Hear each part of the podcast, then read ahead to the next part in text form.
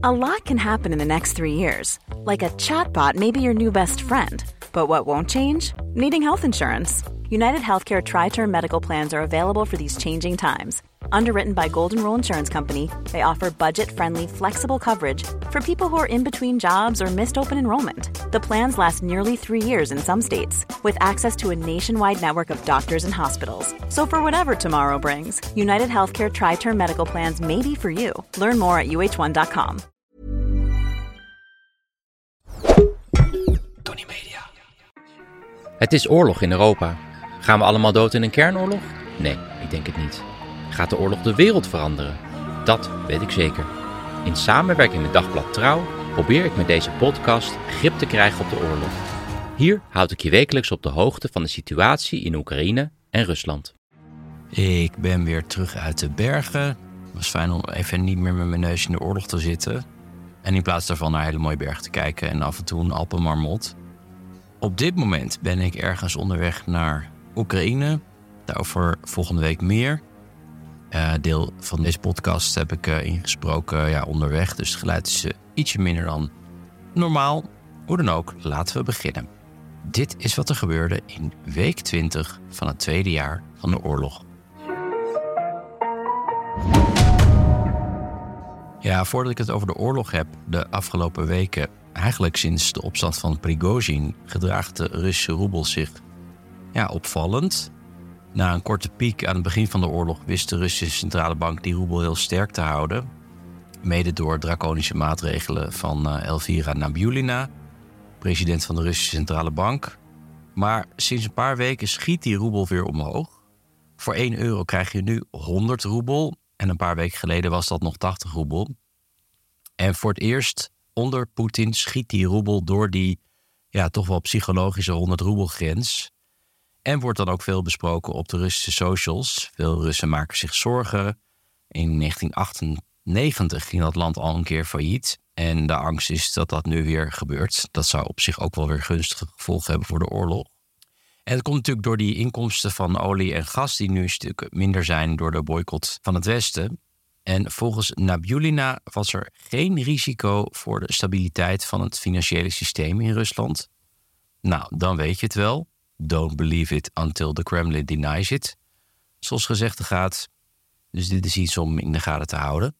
Intussen is de oorlog nu al 500 dagen aan de gang. En uit nou ja, nogal deprimerend onderzoek van afgelopen week bleek dat vier op de vijf Oekraïners een familielid hebben die ja, doods gegaan of gewond geraakt tijdens deze oorlog. En de Oekraïners zijn nog steeds bezig. Ehm, met hun uh, offensief, dat ja, nog steeds nogal moeizaam gaat. Vooral rond Bakhmut boeken ze nog wat resultaten. Dat is de plek waar de soldaten van Wagner hun uh, stokje hebben overgegeven aan ja, wat kwalitatief mindere eenheden van het Russische leger. Maar nog steeds gaat het niet allemaal zoals de Oekraïners gehoopt hadden. En misschien komt daar verandering in met de levering van clustermunitie van de Amerikanen. Nou, dat is echt nasty munitie. Dat is een beetje een granaat die uiteenvalt in kleinere delen. En dan, ja, die kleinere delen ontploffen dan met een soort van timer. Maar soms ontploffen die dingen dan pas veel later. Uh, ja, na een oorlog zelfs. En komen er veel burgers uh, door om het leven. En daarom is clustermunitie ook verboden in veel landen. Maar niet in de Verenigde Staten, Oekraïne en ook niet in Rusland. Tenminste, die drie landen hebben dat verdrag nooit ondertekend. En Rusland gebruikt clustermunitie al sinds het begin van de oorlog op grote schaal tegen de Oekraïners. Dus dan denk ik, ja, waarom zouden de Oekraïners dat niet kunnen gebruiken? Bovendien zou die Amerikaanse clustermunitie veiliger zijn. Die zouden minder vaak defecten hebben. Uh, die zouden minder vaak dus later ontploffen. Hoe dan ook, die Amerikanen hebben veel meer van dit soort granaten dan de reguliere. En ja, de hoop is dat het tekorten aan granaten hiermee wat minder groot wordt. Want dat is nu een beetje de bottleneck voor de Oekraïners op dit moment. Uh, de granaten voor de artillerie. Verder afgelopen week uh, heeft de Tweede Kamer in Nederland dus de hongersnood van de Oekraïners in de jaren 30, de Oekraïners noemen dat de Holodomor, erkend als genocide. Met andere woorden, dat dit een doelbewuste poging was om de Oekraïners als bevolkingsgroep uit te roeien. In dit geval onder Stalin. Wil je trouwens meer weten over deze verschrikkelijke Holodomor? Dat zou je dan kunnen terugluisteren helemaal op dag 27. Toen besteed ik er al aandacht aan. Gaan we door naar de Russische media.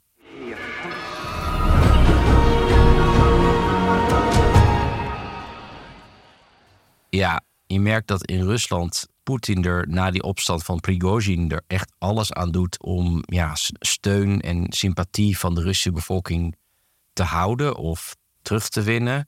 Ik kom straks trouwens nog terug op uh, Prigozhin. Je ziet geval duidelijk paniek op het Kremlin. En Poetin, die normaal het liefst echt zo ver mogelijk van het plebs vandaan is. En ja, als hij ze echt uh, met ze af moet spreken, dan aan een extreem lange tafel gaat zitten. Die vloog zogenaamd spontaan naar Derbent. Dat is een stad in Dagestan, in de Caucasus. Waar die werd verwelkomd door een horde dol enthousiaste Dagestani. En dat werd natuurlijk allemaal uitgezonden op het Russische journaal. En ja, hij schudde een heleboel mensen de hand. En hij knuffelde ook een aantal mensen. Ik wist echt niet wat ik zag.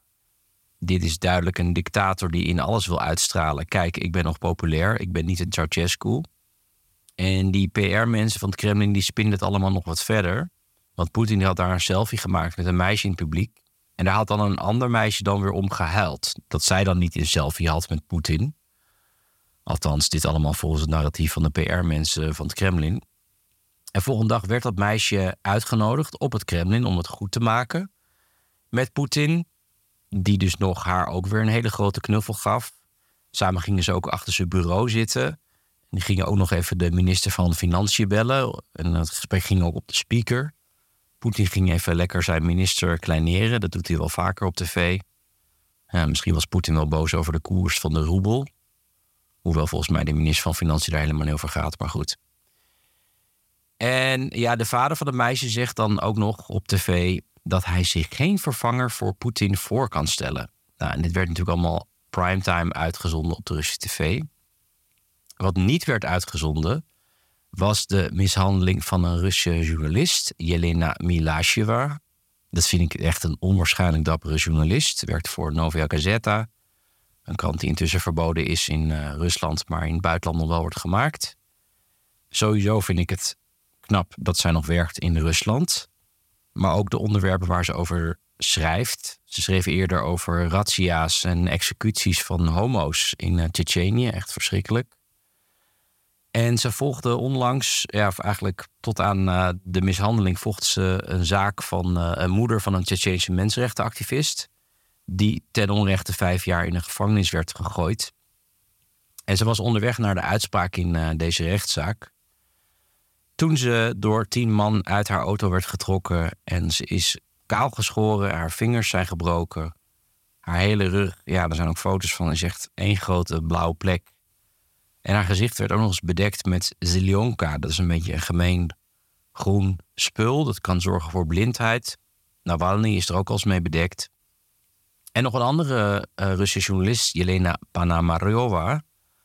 Die is ook bedekt met uh, dat uh, in dit geval in Moskou, van de week. En ja, de boodschap is duidelijk. Na de opstand is Poetin bezig met een charme-offensief bij de bevolking. En tegelijkertijd worden de weinige journalisten die zijn overgebleven hard eh, neergeslagen.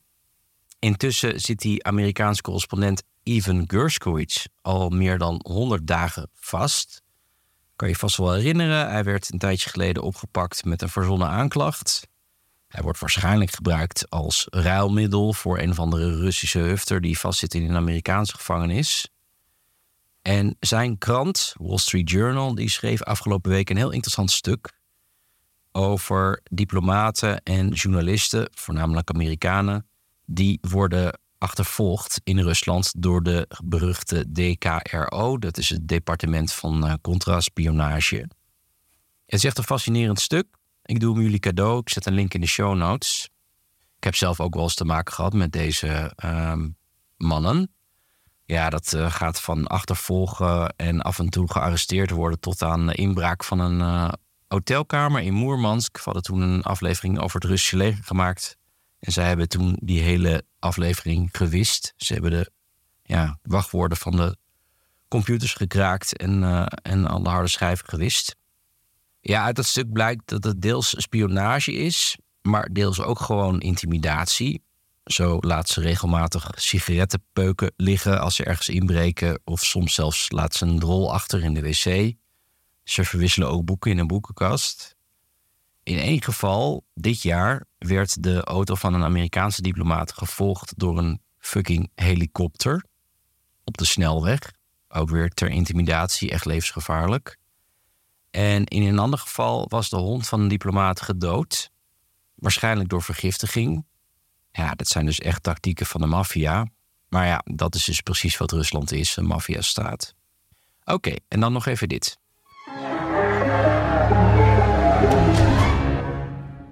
Ja, en bij de maffia hoort ook af en toe wat onrust. Iemand die de baas bedreigt. Nou, in dit geval was dat natuurlijk Yevgeny Prigozhin. Ik had er vorige keer uitgebreid over. Toen was het nog de vraag: durft Poetin het aan om Prigozhin en Wagner met wortel en al uit te roeien en iedereen uh, ja, tegen de muur te zetten? Hard aan te pakken, zoals een dictator betaamt? Nou, daar lijkt het nu niet op. Zegt ook wat over de zwakte van Poetin en de populariteit van Wagner. En de Kremlin doet er alles aan om die populariteit van Wagner en Prigozhin te verminderen. Zo was er deze week een inval bij het landgoed van eh, Prigozhin, net buiten Petersburg. En er zijn foto's uh, ja, uitgebreid naar buiten gelekt. Natuurlijk veel beelden van uh, goudstaven en stapels dollarbiljetten en ook een helikopter. Zo van, ja, die Prigozhin is een boef. Jullie moeten hem niet toejuichen. Natuurlijk was er trouwens ook nog eens een enorme moker lag er in zijn kamer. Uh, verwijzing naar die executie van een Wagner-deserteur met een moker. En er was ook een plank met pruiken. Die zou Prigozhin dan gebruiken om incognito naar landen te gaan waar Wagner actief is. Bijvoorbeeld in uh, Afrika een aantal landen. En ze publiceerde ook een aantal soort van bizarre selfies in vermomming. Dus dan heeft hij ook die pruiken op. Ik zal een link in de show notes zetten, anders geloof je me echt niet. En als kers op de taart vonden agenten in dat huis een speciaal nummer van de Russische rockband Leningrad. Ja, nogal legendarische band. Die ik vroeger eigenlijk ook best goed vond, eerlijk gezegd. Maar die nu helemaal aan de leiband van eh, Poetin lopen. En zij hadden in ieder geval een nummer speciaal voor Prigozhin geschreven. Luister maar even Везде он словно ковид По кличке Повар Божий Сготовит и расчленит Зовут его Пригожин Nou, ze zingen hier Hij is overal, net als corona. Ze noemden hem de kok van God. Hij hakt je in stukjes en kookt je. Zijn naam is Prigozhin. Nou, hartstikke gezellig. Misschien wordt dit wel de zomerhit van 2023. Intussen is het nog steeds volkomen onduidelijk waar die Prigozhin nou eigenlijk is. Volgens Lukashenko is hij helemaal niet in Belarus, maar zou hij ergens in Sint-Petersburg zijn? Misschien om een van de pruiken te halen, om uh, incognito door de straten te lopen, wie weet. Maar ja, oorspronkelijk werd beweerd dat hij naar Belarus was uh, uitgezet. Maar nu zit hij misschien in uh, Rusland. Intussen wordt zijn hele imperium wel ontmanteld. Bijvoorbeeld de trollenfabriek in Sint-Petersburg. Daar is iedereen ontslagen. Maar die rol van Prigozhin en Wagner blijft nog steeds een onzekere factor in deze oorlog. Bij mij in de uitzending is Robert van der Noorda. Hoi Robert. Goedemiddag. Hallo. Robert houdt zich bezig met de smerige wereld van desinformatie en trollen. Zijn onderzoek leidde onder meer tot publicaties in de Volkskrant. Ja, je hebt dit verhaal misschien al duizend keer verteld hoor, maar het is gewoon een mooi verhaal. Vertel even jouw rol in die hele Dotan-affaire, Robert. Op een gegeven moment kwam uh, collega Mark Miseres naar me toe en die zei... Volgens mij klopt het niet wat die uh, zanger doet. En, Mhm. en die zei van, eh, volgens mij ben jij, zou je, de enige die ik weet die dat echt goed uit kan zoeken, dat ben jij. Succes ermee. Want jij En werkte toen bij de Volkskrant? Ja, ja, ik Ja. heb een aantal jaar. Nu, nu, nu doe ik freelance nog wel wat werk trouwens. Maar Ja. ik heb daar toen twee jaar eh, eh, op eh, onder andere verslaggeving gezeten. Oké. En toen ja, ging ik eens kijken. En toen op een gegeven moment dacht ik van ja, kan gewoon niet. Die, die, die fans van hem klopt niet. En toen, omdat ik heel veel ervaring had eigenlijk in die Russische trollen. Mhm. Eh, toen ben ik dat die fans maar eens gaan onderzoeken. En dat bleek gewoon allemaal nepaccounts te zijn. Op heel veel verschillende platformen overigens. Op, trouwens op Facebook en op Twitter en op Instagram en op Soundcloud. En En, en dat hebben, kostte heel veel tijd trouwens, omdat, omdat het juridisch wel dicht moest zijn. Want ze zeiden Ja. bij eh, juridische zaken Volkskrant, van als je één fout maakt, dan staat die eh, kerel een week later met een claim van miljoenen op de Ja, stoep. Dus, ja snap ik. Want er zat ook alweer, er waren volgens mij allemaal eh, andere kinderen met leukemie of zo, die, die fan waren van Dotan. Hoe zat het ook weer? Ja, er zat één verhaal in inderdaad van een jongen die eh, zou dan leukemie hebben. En was dan naar een concert in de Ziggo Dome gegaan. En eh, hij wilde eigenlijk op het eind was het dan zo'n meet and greet met de zanger. Daar wilde die jongen heen, maar die was te slecht. En toen stond er in het verhaal zoiets van... Hij ging naar de auto toe met zijn broer. En vervolgens, je, heel raar, klopte die dood dan op het raampje. En toen dacht ik van, Oh ja. nou, dit is gewoon, dit kan niet. Is Want te mooi. ik bedoel, hoe, nee, maar hoe kan die dood dan en in een meet and greet zitten, maar dan ook gelijk na afloop van het concert naar die parkeergarage gelopen zijn? Ja, En hoe wist hij waar die auto stond? Dus ik las dat. Ik dacht, dat klopt gewoon niet. nee. Gewoon verzonnen. En, en En kon toen je bleek dat... inderdaad. eh, Ja, ja, dat kon ik wel bewijzen. Ja, dat was niet zo moeilijk, omdat. eh, ik bedoel, die, eh, die jongen, die, die foto, ik weet niet waar die vandaan was, maar die bestond helemaal niet. Mhm. En er stond een op, opleiding eh, op die jongen zijn profiel. En die eh, school die zei van. ja, we kunnen gewoon in onze database zien of die kerel hier ooit gestudeerd heeft. Dat had hij helemaal niet. Het bestond gewoon helemaal niet. Die had ook helemaal geen vrienden. Het was gewoon een nep-account. En toen, toen ik met Facebook Graph, dat bestond, dat werkte toen nog enigszins. Mhm. Toen bleek dat die kerel, die broer dus van die jongen met leukemie, die niet de fan van Dotan was, was met dat account, was die al twee of drie jaar bezig als een, eh, alleen maar met het onderwerp Dotan. En had voor de rest geen vrienden. Nou, dat was gewoon nep. Dus ja, dat, ja, dat, dat, was, dat, dat was echt de eerste d- mega-doorslag die ik toen had in dat Ja, project. Ja. Ja, dat is me echt nog wel bijgebleven. Dus, ja, wat het, vijf jaar geleden of zo, of langer? Ik kan het zo moeilijk inschatten. Ja, ja, ja, ja, vijf jaar ongeveer inderdaad. Ja. Het is nog steeds eh, of het meest gelezen stuk, of in ieder geval een van de meest gelezen stukken ooit van de Volkskrant. Ja, Van de laatste tien jaar of zo. Ja. Spreekt ook wel tot de verbeelding. Ehm, Robert, je hebt ook een bedrijf eh, Troll Rensics. Die houden zich bezig met ehm, desinformatie en trollen. Daar wil ik het zo met je over hebben. Maar je hebt ook een tijdje in Rusland en Oekraïne gewoond. Vertel even hoe je daar bent beland. Nou, het klinkt misschien wat wonderlijk, maar ik heb eigenlijk. eh, ik, ik doe als journalistiek werk sinds 1998. Ehm, maar ik heb een dubbele opleiding in eh, milieutechniek en procestechnologie. Mhm. En ik ben ooit in 2004, tijdens de Oranje Revolutie, eh, begonnen met, een, eh, met eerste projecten in, in Oekraïne doen. Destijds was dat toen, ik hielp toen eh Dame Shipyard met de overname van een heel groot scheepswerf in Nikolaev, in het Ja. zuiden. Ja. Een plek die nu heel intensief wordt gebombardeerd. Vanwege ook. eh, Ja, extreem. die werven? Ja, dus dat, ja, die stad ken ik echt wel serieus goed, van, ja, van bijna twintig jaar eh, eh, geleden. Dus eh Oké.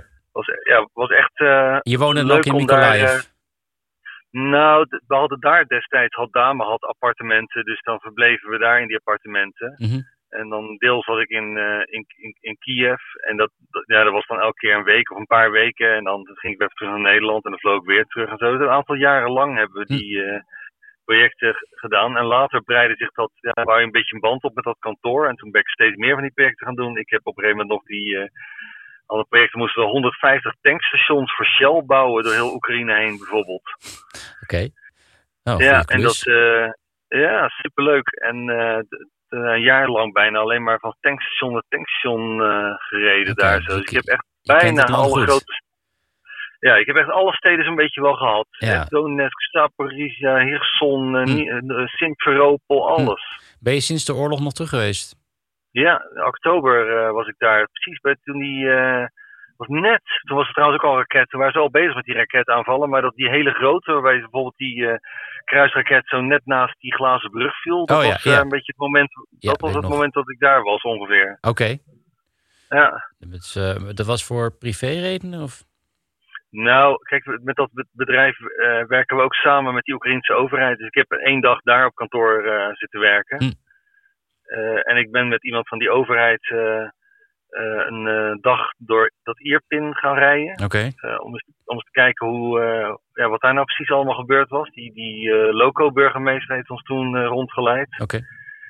En Heftig. ik ben nog bij een, een oud collega geweest die werkt voor het Nederlandse bedrijf Zeelandia. Mhm. En die zamelen enorme hoeveelheden hulp in die ze allemaal naar die frontlinies en zo brengen. dat is heel bijzonder wat die, Ja, en die heeft ook een café voor uh, gehandicapte kinderen. Kinderen met Down en, en autistische kinderen. En die in Kiev. weer opleiding aan ouders. Nee, dat zit uh, Brovary, vlakbij okay. Kiev. Oké, fantastisch. Hey, en wat, wat deed jij daar voor de Oekraïnse overheid? Of is dat vertrouwelijk? Ja, we doen dus data-onderzoeken. Ik heb dus... Ja, ik, ik, ben tien jaar geleden begonnen toen die uh, met dit soort data-onderzoeken van die Russische beïnvloeding en propaganda. Dat, dat, was, dat ik daarmee begon was eigenlijk tijdens dat Maidan.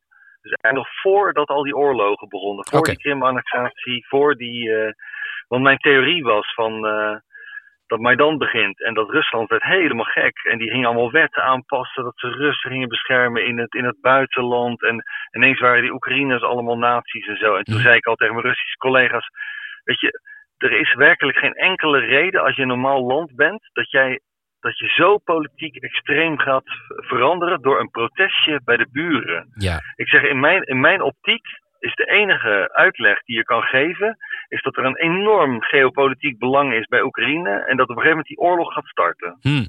En dit was dus in 2013? Ja, uh, inderdaad. begon dat niet eerder al? Hebben zij niet al zitten rommelen met de Amerikaanse verkiezingen? Is dat niet nog eerder? Ik bedoel, ik zit te denken, wanneer begon dat hele uh, getrol van de Russen? Mm, nee, die Amerikaanse uh, verkiezingen, dat was daar nog na. Hè? Dat Oh, ja. was, uh, uh, weet het, uh, dat, dat, die, die, die 2016. Trump-verkiezingen, dan praat je over, uh, wat was het, 2015, 16, Ja, die hele campagnes ja, ja, ja. en zo. En hoe gaan Russen dan? Daarna. Hoe gaan Russen precies eh, te werk? Want we hebben het heel vaak over, over trollen. En eh, daar heb ik het zelf wel ook wel eens over. Maar, maar ja, wat, is, wat is het eigenlijk? En wat je, wat je ziet, dat, die, eh, dat het grappige was trouwens, dat die, eh, die trollen van die, dat is natuurlijk de beroemdste eh, die we uit de media kennen, dat die Sint-Petersburg Internet Research Agency, die Ja. ook van die Prigozhin, die de laatste tijd vanwege die, die enorme Ja. die uiteindelijk niet doorging, heel veel nieuws is. Ja, En die, die accounts had ik toen al voordat Twitter ze publiceerde. de beruchte trollenfabriek. Ja, die. Ja. Ja. En hoe kwam je dan daaraan? Uh, wat je kon zien, is, is, is je kon daar patronen in ontdekken. Dus heel veel van die accounts, Mhm. die uh, gebruikten dezelfde hashtags, dus die, die vaak niet bestonden. En kijk, weet je, bedoel, uh, het kan zijn dat als er, uh, ik noem maar iets, er is morgen iets dat, weet ik veel, Rutte doet iets met, met Shell of zo. En jij bedenkt zelf de, de hashtag Rutte Shell. Nou, als je dan software hebt die kan hashtags onderzoeken, Mhm. dan kan je ook zien dat die nooit bestaan heeft. Dus die, je weet dat die nieuw is, zo'n account. Dat is niet zo moeilijk te checken. Maar wat die Internet Research Agency deed, is dat de chef van de toko, die be- bedacht een of andere nieuwe hashtag. Maar dan begonnen soms honderden accounts op dezelfde minuut met die hashtag. Maar hoe, bedoel, hoe kan dat als dat niet gecoördineerd is? Wat is de kans Ja. dat er, dan zou er een soort collectief brein moeten zijn van een paar honderd mensen die Ja. op hetzelfde moment bedenken, laten we een nieuwe hashtag verzinnen. En dat is niet, dat kan helemaal niet. Dat is Nee. onmogelijk. En als je dus dat soort netwerkanalyses loslaat, dus eh, wanneer tweeten ze, eh, soms eh, hebben ze allemaal dezelfde van die afkortingslinkjes, die TCO, maar die zijn uniek. Ik bedoel, als jij van een Telegraafartikel een TCO-linkje maakt en ik doe hetzelfde, krijgen we een ander TCO-linkje. Mhm. Dus op het moment dat zo'n trollenleger duizend tweets heeft met allemaal datzelfde TCO-linkje, dat betekent dus dat de eigenaar van de trollen van firma of de directeur daar, die heeft gewoon dat linkje gedeeld aan al die gasten die Ja. er achter die accounts zitten en gaan maar tweeten met die zooi. Dat, dat kan niet anders. ja. Ja, en dat ben ik dus in, in 2013 in eerste instantie met de hand gaan doen. Dat lukte al vrij goed, dus toen kon ik ze echt al, al, al relatief makkelijk vinden. Mhm. En later hebben we een softwarebedrijf zijn we begonnen en eh, ja, hebben dat eigenlijk um, allemaal software voor ontwikkeld om dat te kunnen, te kunnen doen. Dus die, die onderzoeken toen, ja, soms kostte me dat weken om met de hand in Excel om een, een rotzooi te gaan lopen analyseren. En nu kunnen we sommige van die dingen eigenlijk uh, ja, soms in een paar uur. En voor, voor mijn gevoel spelen die trollen, uh, die trollen in 2014 met de annexatie van de Krim een, een belangrijke rol dan in deze oorlog? Of misschien kom, kom ik ze gewoon minder tegen. Is, is het zo dat ze minder actief zijn nu? Nee, het, het, het, het punt is dat er zijn zo krankzinnig veel uh, weet het, uh, accounts die tweeten over de oorlog in Oekraïne. Kijk, daarvoor was natuurlijk Rusland uh, was dat wel minder. Ik bedoel, die de oorlog in Donbass liep al een tijd, dus dat is toch allemaal internationaal heeft al wat minder aandacht. Het is niet dat daar de kranten nog helemaal bol van staan van dat, van dat nieuws, want dat is een beetje op de achtergrond geraakt. Mm -hmm. Maar die Russische propaganda gaat maar door. Dus in verhouding is die op dat moment best wel fors. Alleen toen die oorlog op 24 februari vorig jaar begon, dan zie je dus dat iedereen die in shock is van die oorlog, elke journalist ter wereld, die tweet er ongeveer over. Dus in verhouding is het minder. Oké. Daarom is die pro- propaganda veel verder ondergesneeld, zeg maar. Het heeft veel omdat, minder er, omdat er veel kwali- hoge, kwalitatief hoge informatie al is op Twitter. Ook meer mensen. Ja, meer mensen. dat, dat, dat duizenden en duizenden mensen die nooit er iets mee deden, die eh, nu ineens door die start van die oorlog wel erover gaan, eh, gaan twitteren. En dat heeft dus minder Je kan, impact. het, je kan het ook heel makkelijk zien hoor. Ik bedoel, als ik een onderwerp eh, onderzoek, een bepaalde keyword of hashtag, eh, dan kan je ook zien wat de toename is. Bijvoorbeeld, We hebben van een aantal jaren lang hebben we gewoon alle tweets met het woord Oekraïne erin geanalyseerd. Mhm. Nou, als je ziet hoe dat piekt vanaf die 24e, dat is onwijs. Maar goed, je kan niet in één keer eh, 300 meer trollenlegers even zo Ja. Installeren. Dat is niet zo makkelijk. Dus er dat- valt, dat eigenlijk niet, wel. er valt eigenlijk niet tegen op te desinformeren door de Russen. Vind ik wel eigenlijk iets hoopgevends. Dat is voor een deel wel wat er aan de hand is. Ja. Ja, Ja. mooi. Alleen je, je ziet dat er enorm veel actoren zijn in eh, allerlei landen. Dus het- er zit zowel in die complothoek als in die extreemrechtse als in de pro-Russische. Dus het zijn eigenlijk drie delen wat daarin zit. Mhm. Die toch vrij succesvol, dat wil, dat wil niet zeggen dat het Russen zijn, maar die zitten wel dit soort krankzinnige propaganda te verspreiden. Ja, maar ik heb wel het idee dat die Nederlandse ehm, mensen die dat doen, dat dat geen eh, bots zijn of trollen of zo. Dat zijn gewoon mensen met krankzinnige ideeën, toch? Exact, ja. Daar zitten nauwelijks eh, bots bij. Heel goed. Ja, Ja. inderdaad, klopt. En dat is eh, eigenlijk weer een, eh, een, een, slechtere ontwikkeling, helaas.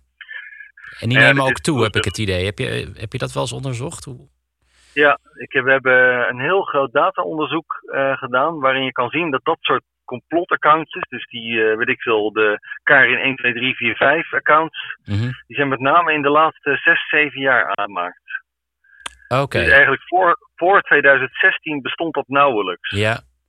En is dat, is dat sinds de oorlog eh, in een versnelling gekomen of was dat al tijdens corona? Mm, je ziet eigenlijk een versnelling. Dat is niet specifiek nog een. Ja, dat, er worden nog steeds wel veel van dat soort accounts aangemaakt. Mhm. Maar vooral met corona was toename heel extreem. Ja, ja. Je ziet ook dat er gewoon meer mensen in die complotten gaan, eh, gaan, gaan geloven. En het aparte was ook dat, bedoel, ze waren natuurlijk allemaal bezig met eh antivax en corona en ik weet allemaal niet wat voor onzin. Mhm. Dat, dat was natuurlijk een beetje, ja, dat speelt niet meer zo'n enorme rol, die ziekte. En dat nee, van de een op de andere dag werden al dat soort lui, waren ze van, eh, van vaccin en corona-expert, werden ze Oekraïne-expert. Bijvoorbeeld Willem Engel ook. Ja, Die is de grootste het, eh, politiek expert op het gebied van Oekraïne en Rusland nu. Hey Robert, hoe, hoe bestrijd je dit soort desinformatie, die, ja, die, waar mensen dus ook echt in geloven? Hoe, hoe, pak je dat nou het beste aan? Want ik, in mijn ervaring in discussie met die lui gaan heeft gewoon geen zin. Maar wat, wat doe je dan wel? Nou, kijk, wat interessant zou zijn is als die social media platformen gewoon eh, meer op zouden treden tegen propaganda en vooral die hate speech. Dat is ook echt illegaal. Ja. Dat gebeurt te weinig. Ja. Dus in mijn optiek ligt daar een eh, taak aan van die social media platforms zelf, maar ook van de politiek om daar wat mee te doen. Bijvoorbeeld door Europese regulatie. Want Ja. vanuit, eh, vanuit Twitter of vanuit Musk kan je dat niet verwachten, denk ik. Ik denk niet dat er veel gedaan wordt. Sterker nog, ik bedoel, hij, eh, toen hij vanaf het moment dat hij eigenaar was, iedereen die eerder geband was omdat hij niet voldeed aan de regels van het account, zijn weer toegelaten. Dat is Ja. natuurlijk ergens compleet bizar, hè? Ja, ja, maar goed, het is ook weer bizar dat ik en jij volgens mij ook daar nog steeds op zitten. Wat dat betreft doen wij daar natuurlijk ook, Er, ook ergens mee. wel, ja. ja. Ja, maar goed, ik, ik moet er wel op zitten, want ik onderzoek de hele dag die Ja. ellende. Ja, ik heb een account op Mastodon, maar ik moet, nog even, ja, ik moet het even, nog even goed voor gaan zitten. het is heel erg Ja, ik, eigenlijk. ik, heb dat, ik heb het ooit aangemaakt en eh, ik, ik, ik werd er niet zo blij van, dus ik ben maar weer gestopt ermee. Dus, Nee. eh, ik hou het voorlopig maar even bij Twitter. Ja, nou, maar laten we gewoon hopen dat het ehm, op Twitter gewoon eh, op een of andere manier beter geregeld gaat worden. En dat heeft zeker, zeker ook te danken aan het mooie werk dat jij doet. Eh, Robert van Noorda van Trollrensics. Trollrensics, ik spreek het even goed uit. Dankjewel. Dit was het voor deze week. Volgende week ben ik er weer en dan kan ik ook wat meer vertellen over mijn trip naar Oekraïne, waar ik dus de komende week zit. Tot dan.